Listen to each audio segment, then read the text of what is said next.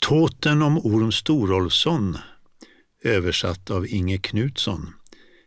Den återfinns bland kungasagorna i Flatejarbok. Orm tillhör samma släkt som Egil Skallagrimsson. Han är liksom många i sin släkt övernaturligt stark och utför stordåd, men är tämligen oduglig till vardagssysslor.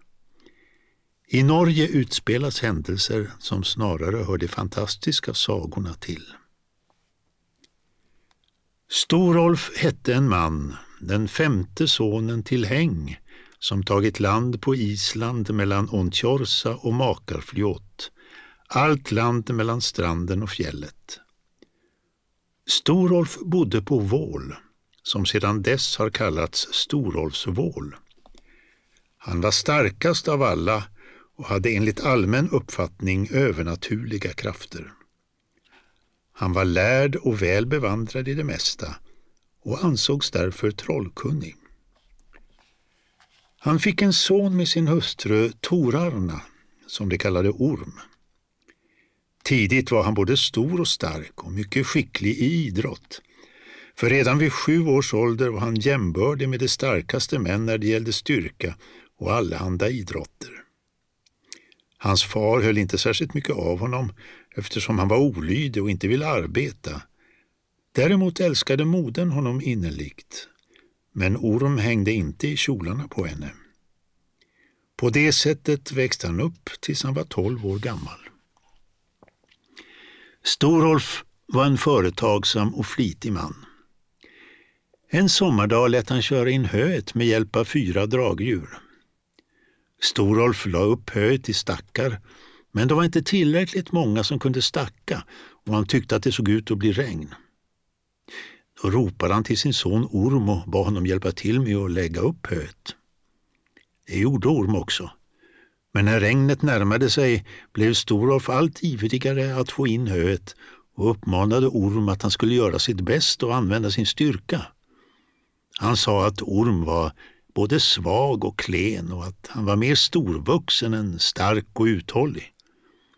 Då blev Orm arg och bar upp allt höet på en kort stund.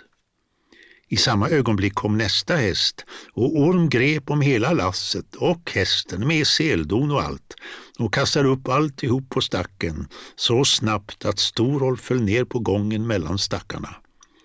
Fallet var så tungt att han bröt tre revben. Då sa Storolf, det går illa om man driver på det övermodiga och det syns tydligt att du kommer att bli våldsam av dig. Alla tyckte att detta var ett verkligt kraftprov av en så ung man. Det sägs att Storolf en dag gick och talade med sonen Orm och bad honom gå ut på ängarna och slå gräs eftersom det går trögt för drängarna den här sommaren. Var är lien jag ska slå med? sa Orm.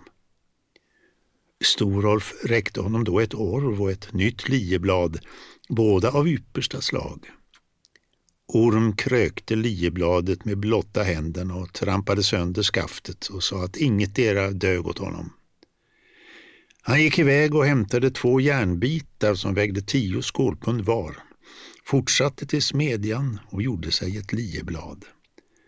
Därefter tog han en stock ur vedhögen, gjorde den lagom lång och satte dit två stora handtag. Han fäste det nya liebladet med järn och gick sedan ut på ängarna. Marken där var mycket ojämn, men gräset växte tätt och frodigt. Orm satte igång att slå och slog hela dagen ända till kvällen. Storolf skickade ut alla sina pigor för att räfsa samman det nyslagna höet men när de kom till ängarna såg de att det redan låg i strängar där Orm hade gått fram. Då de skulle vända höet gick det inte så lätt som de hade föreställt sig, för de orkade inte lyfta på det, vare sig med räfsa eller händer. Därför gick de hem och talade om det för husbonden. Han kom ridande ner till ängarna på kvällen. Då upptäckte han att Orm hade huggit av tuvorna och lagt dem i strängar. Han bad sonen sluta för att inte förstöra mer. Orm gjorde så och då var liebladet nedslitet ända till ryggen. Han hade alltså slagit ett fält stort nog för att ge åtta stackar. Det är den enda äng som är slät på Storholsvål och varje sträng anses motsvara en dags slotter. Än idag kan man se spåren efter detta. Duvtack hette en man. Han bodde på gården Holt som ända sedan dess kallas Dutaxholt. Duvtack var en jättelik man, så vild och våldsam att han verkade ha övernaturliga krafter. Han och Storolf låg ofta i luven på varann, men ibland stod de på vänskaplig fot. Ändå slutade det illa, för några påstår att Duvtack var orsak till Storolfs död. Tiden gick och Orm hade fyllt 18 år. Då kom det en så sträng vinter att det blev betesbrist. Storolf hade mycket boskap och hans höförråd krympte så snabbt att han trodde att han skulle bli tvungen att slakta sin boskap om han inte fann en utväg. För det fanns inget hö att uppbringa i hela bygden utom hos Duvtack som hade överskott på foder men inte ville avstå något åt någon. Vid det tillfället var förhållandet mellan honom och Storolf mycket spänt. Då skickade Storolf iväg sonen Orm till Duftak för att försöka få lite hö av honom, för det var mycket sent på vintern och boskapen utmärglad. Orm sökte då upp Duftak och ville köpa hö av honom, men han sa att han inte hade något att sälja. Men när Orm framhärdade sa Duftak att om han ville kunde han få ta så mycket han orkade bära och det kunde ni trots allt ha nytta av om alla andra i bygden bidrar med lika mycket. Orm svarade. Det är inte mycket till bidrag, men jag tar det i alla fall. Var hämtar jag det? Ute i inhägnaden, sa Duftak, är två hösåtar den ena fyra famnar, den andra gott och väl två famnar bred och nästan lika höga, även om de har sjunkit ihop något. Ta från den mindre. Jag måste hem först, sa Orm, och hämta ett rep. Han gjorde så och berättade för fadern vad som hade hänt. Det var i sanning småaktigt, sa Storolf. Att det ska han minsann inte heller få betalt för. Men det är väl lika bra att jag går och hämtar knippet eftersom jag kan bära mer än du. Kommer aldrig i fråga, svarade Orm, för vi fick så mycket jag kunde bära. Då får du ta i ordentligt, din ynkrygg, sa Storolf. Orm gick bort till redskapsboden och tog rep till tio hästar, drog av träringarna och band ihop repen både på längden och bredden så att det blev ett enda långt rep. Därefter begav han sig bort till Holt och inhägnaden med hö, kastade upp grinden, gick in och stegade bort till den större hösåten, slet bort grästovorna som täckte den och det sämsta höet därunder. Sedan böjde han sig över såten, stack händerna inunder den och lossade höet från jorden, förde in repet under såten, satte tillbaka träringarna och vände på hela hösåten.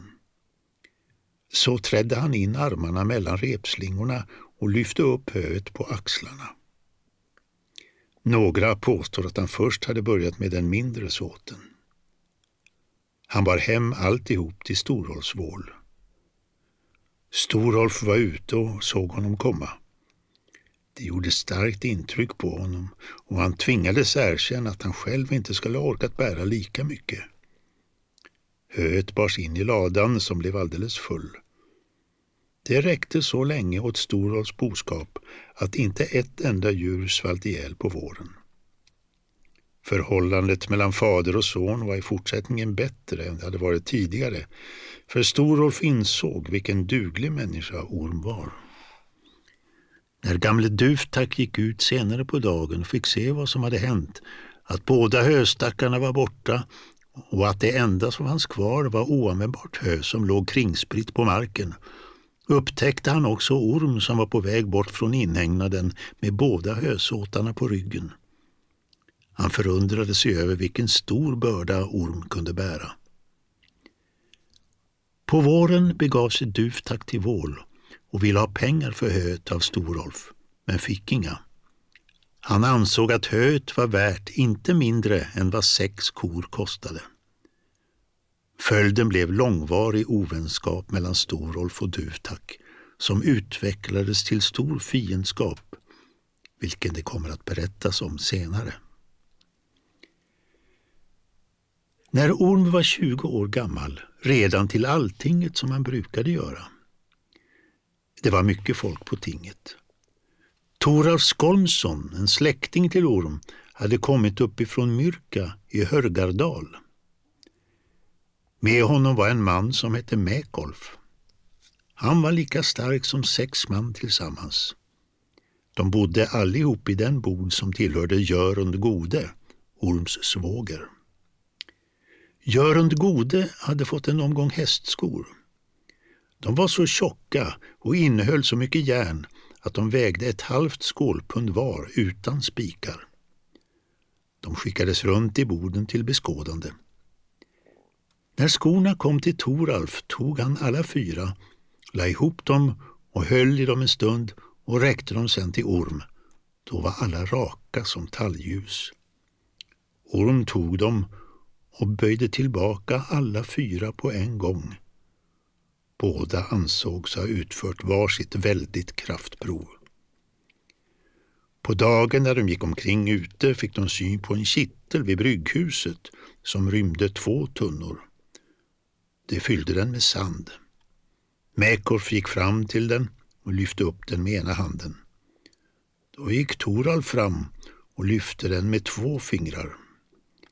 Till sist gick Orm fram och tog fatt i handtaget med lillfingret och lyfte upp kitteln till ankelhöjd men stack genast in handen under kappan. Då sa Toralf, visa mig fingret. Det vill jag inte, svarade Orm. Jag kunde ha skadat mig själv om jag hade velat, sa Toralf, men det ville jag inte. Folk trodde att köttet och senorna hade brustit ända in till benet. Därefter red man hem från tinget och Orm höll sig i stillhet. Alla häpnade över det kraftprov Orm hade genomfört och som han kom att genomföra senare, märkligare ju äldre han blev. Och den allmänna meningen var, bland både vänner och fiender, att han var den starkaste mannen på hela Island, såväl på den tiden som i det förflutna bland de som inte var rena bärsärkar. Virfil hette en man. Han rådde över en gård som låg på Skagen i Danmark. Virfil var gift och han och hans hustru hade en son som hette Asbjörn. Han var tidigt välväxt och vacker och kunnig på många områden. Han var mer belevad än de flesta andra. Därför kallades han Asbjörn den stolte. På den tiden var det vanligt att de kvinnor som kallades valor färdades omkring i landet och spådde folks öden, årsväxten och andra saker som folk önskade få veta. En sådan vala kom till Virfils gård. Hon blev väl mottagen eftersom festen var en av de yppersta. När alla hade intagit sina platser på kvällen frågade man valan vad hon kunde sia om. Hon svarade att Virfil skulle leva där ända till sin ålders höst och betraktas som en duglig bonde.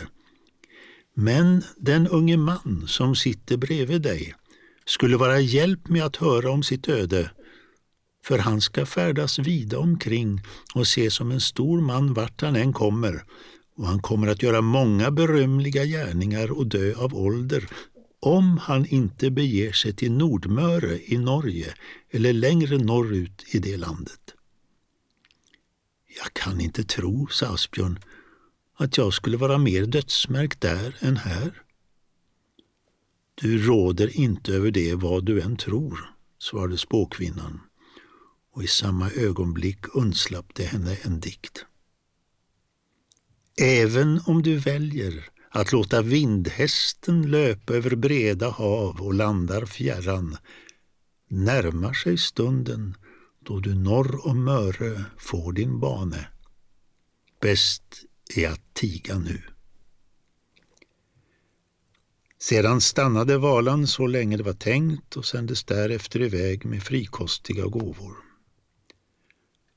Asbjörn växte nu upp och när han var tillräckligt gammal färdades han till olika länder, lärde sig andra folks seder och bruk och skattades högt av alla hövdingar. Hans mor härstammade från norra Norge, från Hordaland och Nordmöre och tillhörde bifru Karis släkt. Asbjörn tillbringade mycket tid hos moderns släktingar och var mycket omtyckt på grund av sina insikter och färdigheter. För att återgå till berättelsen ska det sägas att Orm Storolfsson var på Island. När han var mellan 20 och 30 år gammal följde han med en man som hette Össur den hordaländske som hade sitt skepp liggande för ankar i Tjorsa och seglade till utlandet med honom. Össur hade en gård i Hordaland och Orm tillbringade vintern hos honom. Asbjörn den stolte befann sig också i Hordaland och de träffades ofta där. De kom väl överens och blev snart goda vänner. De prövade på många idrotter och var jämbördiga i alla som inte krävde kroppslig styrka, för Orm var mycket starkare. Det ledde till att de ingick fostbrödralag enligt gammal sed. Den som levde längre skulle hämnas den andre om denne hade blivit dödad med vapen. På våren talade Asbjörn med Orm om att han ville bege sig norrut till Möre för att träffa sina släktingar Eivind Snak och Bergtor Bestil.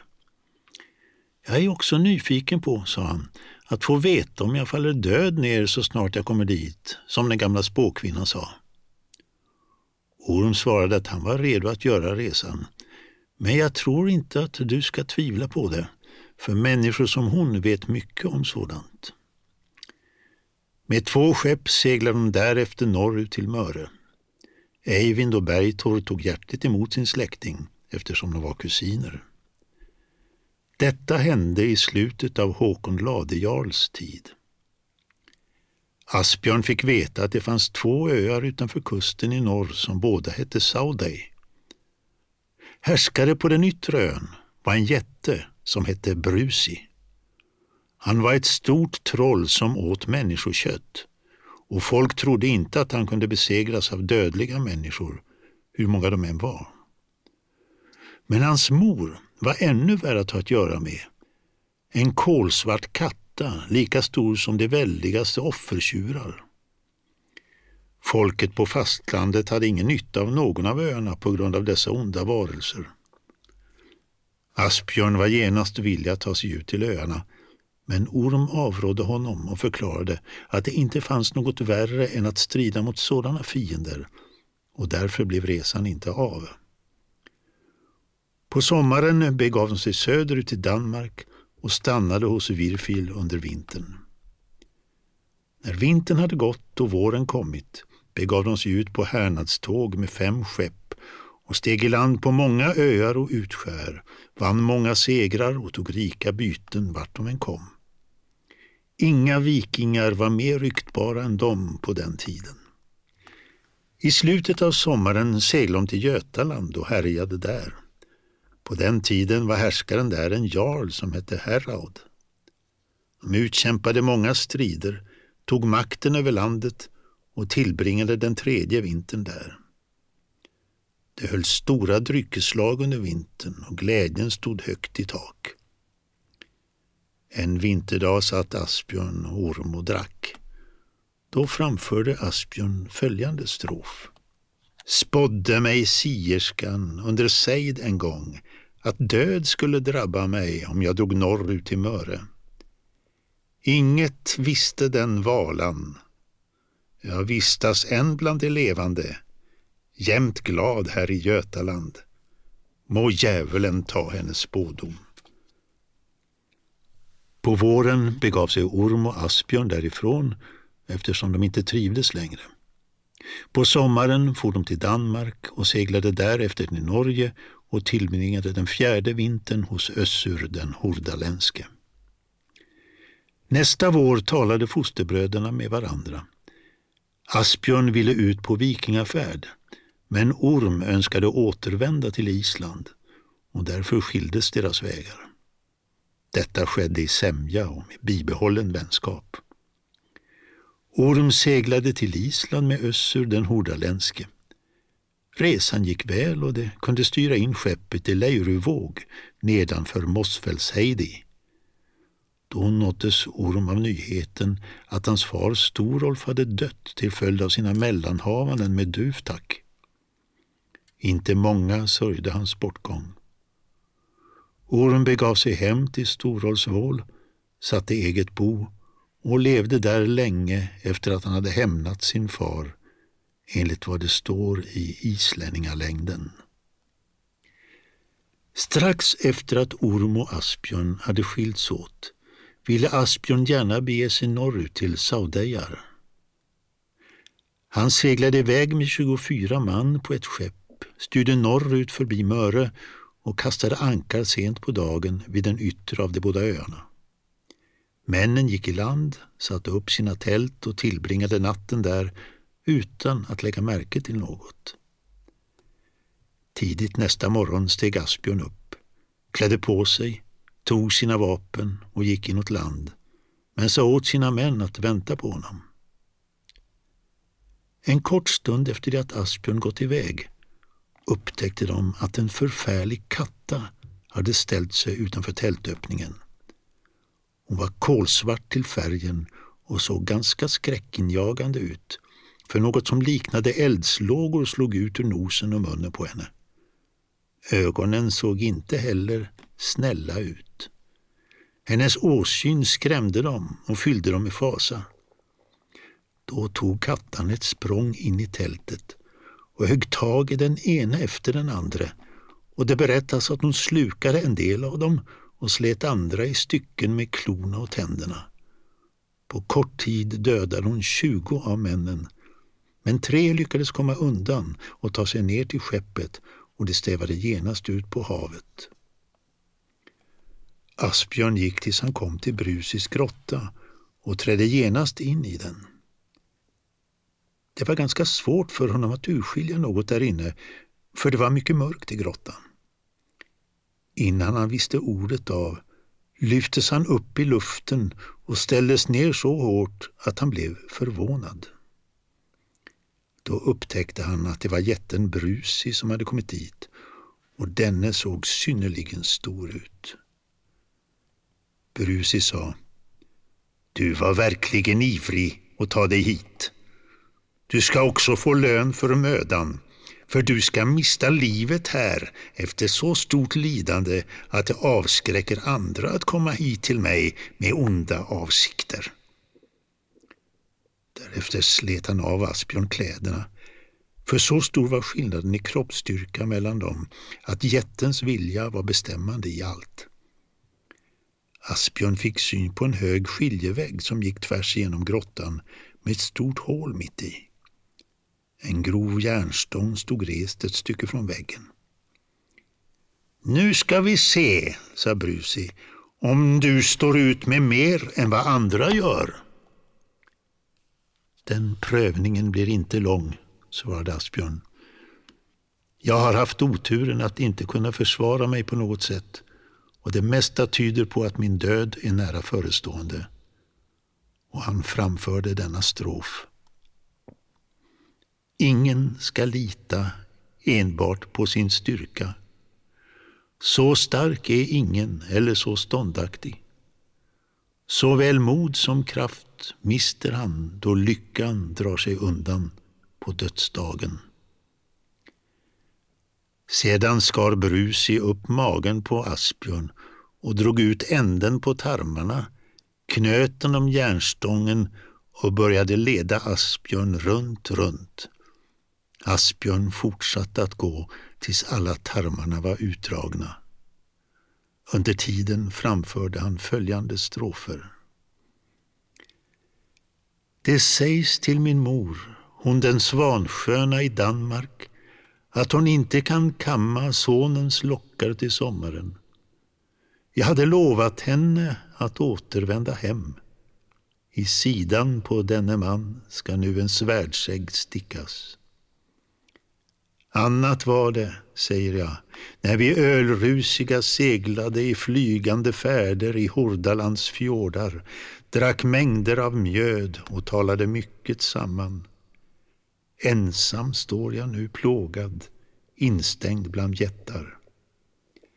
Annat var det, säger jag, när vi alla seglade samman. Storolfs son stod djärv i stäven och förde an, ledde skepp skeppen och strök fram längs land i Öresund. Nu har jag gått i fällan hos de grymma trollen. Annat var det, säger jag, när Orm gick ut i hild storm för att mätta glupande gråben med gagnlöst stupade. Frikostigt födde han vargen när främst han gick och mejade ner mången där Ifa rinner ut. Annat var det, säger jag, när ensam mot horder av krigare jag svingade mitt vassa svärd i söder på öar och skär.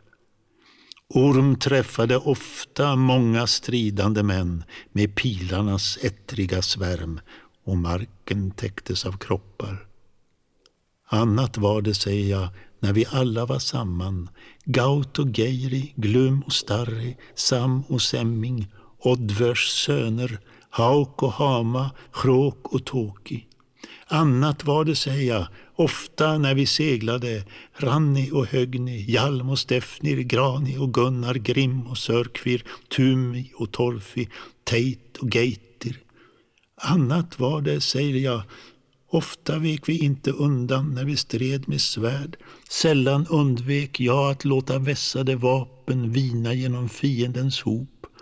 Men Orm var ständigt den som ledde oss i striden. Orm skulle säkert blivit mäkta vred om han kunnat se hur svårt jag plågas och på jätten gruvligt hämnas om min svåra nöd han skådat. Därefter miste Asbjörn livet med stor tapperhet. Det ska sägas att de tre män som undkommit rodde av alla krafter och slog inte av på farten förrän de kommit över till fastlandet. De berättade vad som hade hänt på resan, sa att de antog att Asbjörn var död men kunde inte redogöra för på vilket sätt han hade mist livet. De fick plats ombord på ett handelsskepp och tog sig söderut till Danmark. Berättelsen spreds vida omkring och ansågs märklig. Norge hade fått en ny härskare. Håkon Jarl var död och Olaf Tryggvason hade kommit till landet och påbjöd att alla skulle omvända sig till den rätta tron.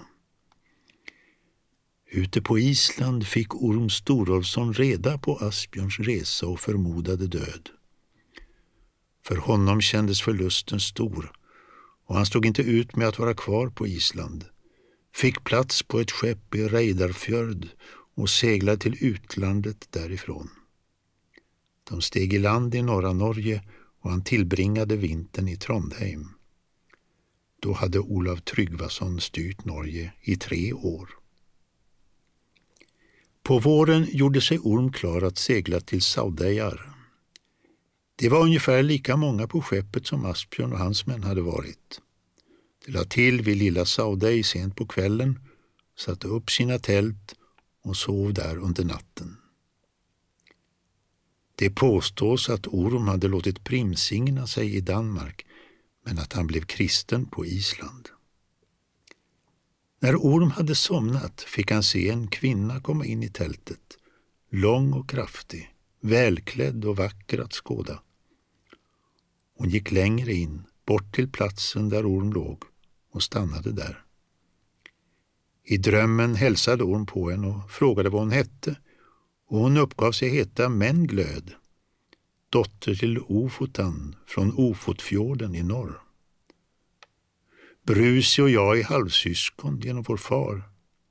Min mor var människa, medan Brusis mor är den kolsvarta katta som är hos honom i grottan.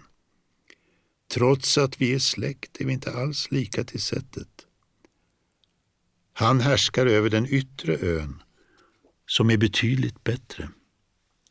Han gör livet så svårt för mig att jag tror att jag kommer att fly. Jag vet också varför du har kommit hit. Du tänker hämnas din fosterbror Asbjörn. Det är förståeligt, för det var en tapper man. Du är också nyfiken på att få veta hur han bragtes om livet. Det är det inte många som känner till, utom Brusi och jag. Därefter berättade hon hela händelseförloppet och redogjorde för Asbjörns död. Hon framförde alla hans strofer. Men jag kan inte förutsäga vilket som kommer att vara starkast, Brusis och hans mors trolldom eller din lycka. Men han fruktar ingen annan människa utom dig och han har förberett sig på att du kommer. Han har rullat en sten för mynningen så att det är omöjligt att ta sig in i grottan så länge den ligger kvar. Och även om du är stark så har du inte krafter som kan mäta sig med Brusis och inte heller förmår du att rubba stenen ur sitt läge. Här är ett par handskar som jag vill skänka dig. De har den egenskapen att den som bär dem aldrig saknar styrka. Skulle det bli så att du besegrar Brusi önskar jag att du överlämnar Saudej till mig, men jag vill hellre omfattas av din välvilja, för du tilltalar mig mycket, trots att vi inte kan få varandra på grund av din tro. Efter det försvann kvinnan och Orm vaknade. Handskarna låg där och han kom ihåg alla stroferna. Orm steg upp och väckte sina män och seglade ut till ön, steg i land och bad följeslagarna vänta ombord på skeppet till samma tidpunkt följande dag, men bege sig därifrån om han då inte hade återvänt. Orm gick tills han kom till grottan. Han fick se den väldiga stenen och bedömde att det var omöjligt för en människa att rubba den. Likväl drog han på sig handskarna. Gåvan från Menglöd tog tag i stenen och rullade bort den från mynningen. Och då tyckte Orm att han hade utfört sitt största kraftprov. Därefter gick han in i grottan och la ett järnstycke med trolldomstecken vid öppningen. När han kom in såg han hur kattan tog ett språng mot honom med uppspärrat gap. Orm hade med sig båge och pilkoger. Han la en pil på bågen och sköt tre pilar mot kattan, men hon fångade allihop mellan käftarna och bet itu dem. Sen kastade hon sig mot Orm och satte klorna i bröstet på honom så att han böjde sig bakåt. För klorna trängde igenom kläderna och genomborrade honom in på bara benen. Katten var på väg att bita honom i ansiktet. Då märkte han att det skulle gå illa för honom och han lovade Gud själv och den heliga aposteln Petrus att han skulle vandra till Rom om han kunde övervinna katten och hennes son Brusi. Sedan kände Orm hur kattans krafter avtog. Han grep henne om strupen med den ena handen och om ryggen med den andra, böjde henne bakåt och knäckte ryggraden på henne och lämnade henne att dö. Orm upptäckte att det gick en hög skiljevägg tvärs igenom grottan. Då gick han längre in och när han kom närmare fick han se en stor pik sticka ut genom väggen. Den var både grov och lång. Orm tog tag om piken och krökte den. Då försökte Brusi dra tillbaka piken, men den satt så hårt fast att den inte rubbades. Det förvånade Brusi, som stack upp huvudet ovanför skiljeväggen. När Orm fick syn på honom grep han tag om Brusis skägg med båda händerna medan Brusi stretade emot på andra sidan. Så höll de på att dra fram och tillbaka över väggen. Orm hade lindat skägget kring handen och ryckte så hårt att han slet av Brusi hela skäggbottnen från hakan, båda käkarna och kinderna ända upp till öronen. Allt kött försvann så att benet blottades. Då rynkade Brus i ögonbrynen och förvred ansiktet till en ful grimas. Orm tog då ett språng över väggen. De högg tag i varandra och brottades länge. Snart gjorde blodförlusten Brus i trött och han började ge vika. Orm tog i ännu mer och tryckte Brus mot skiljeväggen och böjde honom bakåt över den. Jag hade tidigt på känn, sa Brusi, när jag hörde talas om dig, att du skulle bli svår att tas med Och nu har det hänt. Nu får du gå raskt till verket och hugga huvudet av mig. Det är sant att jag plågade Asbjörn den stolte svårt när jag drog tarmarna ur kroppen på honom. Men han jämnade sig inte innan han dog. Det var ondskefullt gjort av dig, sa Orm, att plåga honom så mycket tapper som han var. Men du ska också få dig en minnesbeta. Han drog sitt korta svärd och ristade blodörn på Brusis rygg, skar loss alla revbena, böjde dem bakåt åt sidan och tog ut lungorna. Så föga ärofullt miste Brus i livet. Efteråt gjorde Orm upp eld och brände både Brusi och Kattan till aska. När han hade fullbordat detta lämnade han grottan med två kistor fulla med guld och silver. Allt annat av värde överlämnade han till Menglöd, liksom ön. De skildes som mycket goda vänner. Orm återvände till sina män inom överenskommen tid. Därefter seglade de till fastlandet. Orm tillbringade ännu en vinter i Trondheim. Nästa sommar företog Orm sin resa till Rom och allting avlöpte väl. Han kom till Danmark söderifrån hösten efter slaget vid Svolder och fick reda på vad som hade hänt där. Därefter begav han sig till Norge för att söka upp Erik Jarl och möta honom på Lade. Han visades in till jarlen och hälsade på honom. Jarlen tog väl emot honom och frågade honom vad han hette. Han uppgav sitt namn. Jarlen sa, är du Orm den starke? Du får gärna kalla mig så, herre, men mitt ärende här är att säga att jag önskar vara din gäst i vinter. Jarlen svarade att han var välkommen att stanna och anvisade honom plats längst ut på den höga långbänken. Orm var fåmäld och tillbakadragen under vintern. En gång kom han att tala om slaget vid Svolder och hur tappert kung Olafs kämpar hade försvarat sig. Hur lång tid hade tagit att besegra Ormen Långe och hur hårt Erik Jarl hade fått gå till angrepp för att kunna erövra skeppet som ingen trodde kunde besegras ute på isfritt vatten. Orm svarade det hade tagit längre tid att erövra Ormen Långe om jag hade funnits med bland kungens kämpar. Man meddelade jarlen att Orm hade talat mycket om att Ormen Långe aldrig skulle ha erövrats om han hade funnits ombord. Då lät jarlen kalla till sig Orm och frågade honom om han hade sagt att Ormen Långe inte skulle ha erövrats om han hade funnits ombord. Så var det inte, herre. Vad jag sa var att det skulle ha tagit längre tid att erövra Ormen Långe om jag hade funnits ombord. Jarlen svarade en man skulle inte ha gjort någon större skillnad bland så många stora kämpar som var samlade där. Men vi ska undersöka det där. Du ska vara ensam ombord på ett skepp och 15 båtar ska anfalla dig, vilket bara är en bråkdel av det antal fartyg som fanns vid Svolder. Du bestämmer, herre, sa Orm, men jag kommer inte att ge upp förrän jag blir övermannad. Orm gick då ut och tog en grov stock, 13 alnar lång. Sen gick han ombord på skeppet och la ut från land. 15 småbåtar bemannades och de började ett anfall mot Orm. Det berättas att på kort tid hade Orm sänkt sju båtar efter att ha slagit dem i spillror. Då ropade jarlen och bad dem att upphöra med leken. Man gjorde så och nästan alla männen kunde rädda sig undan. Därefter befallde jarlen 60 man att angripa Orm ute på ett öppet fält, vilket man också gjorde.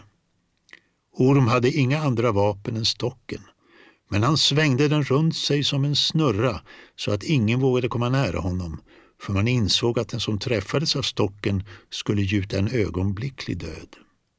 Då bad jarlen dem att upphöra med leken, vilket man också gjorde. Jarlen sa, det var nog ingen överdrift, Orm, att säga att det skulle ha tagit längre tid att besegra ormen Långe om du hade funnits ombord. för den skulle aldrig ha erövrats om du hade varit där och försvarat den. Därefter blev Orm hirdeman hos Erik Jarl och blev mycket avhållen på grund av sina många företräden. En gång besökte Orm platser som han tidigare hade varit på i Trondheim. Han kom snart till Gimsan och Einar var hemma men hade nyss gått till kyrkan. Hans båge stod utanför kyrkdörren. Orm gick bort och tog den och la en pil på strängen, drog tillbaka pilen ända till spetsen och lämnade pilen spänd på bågen. Sedan ställde han ner bågen och gick därifrån. När Einar kom ut ur kyrkan fick han syn på den, blev mycket förvånad och frågade vem som hade gjort så med hans pilbåge. Det dröjde länge innan han fick veta det. Det var inte förrän Orm själv berättade det. Einar sa att han förstod att det inte var någon vekling som hade spänt hans båge ända till spilspetsen. Erik Jarl skulle delta i ett gästabud på östra sidan av viken. Orm följde med jarlen. När de kom till den plats där ormen Lång hade huggits upp låg masten fortfarande kvar. Jarlen bad sina män att undersöka hur många de behövde vara för att orka bära den på sina axlar. Han sa åt Orm att ställa sig mitt under masten. 60 man lyfte upp den. Sen lät jarlen en man i taget vid vardera ändan släppa taget och gå undan, vilket de fortsatte med tills Orm ensam stod kvar under masten. Han tog tre steg framåt och la sen ner den. Det sägs att Orm efter det knappast var densamme som förut. Orm tillbringade några år hos jarlen, återvände sedan till Island och bosatte sig på Storolfsvål. Han betraktades alltid som en betydande man, dog av ålderdom och förblev fast i tron.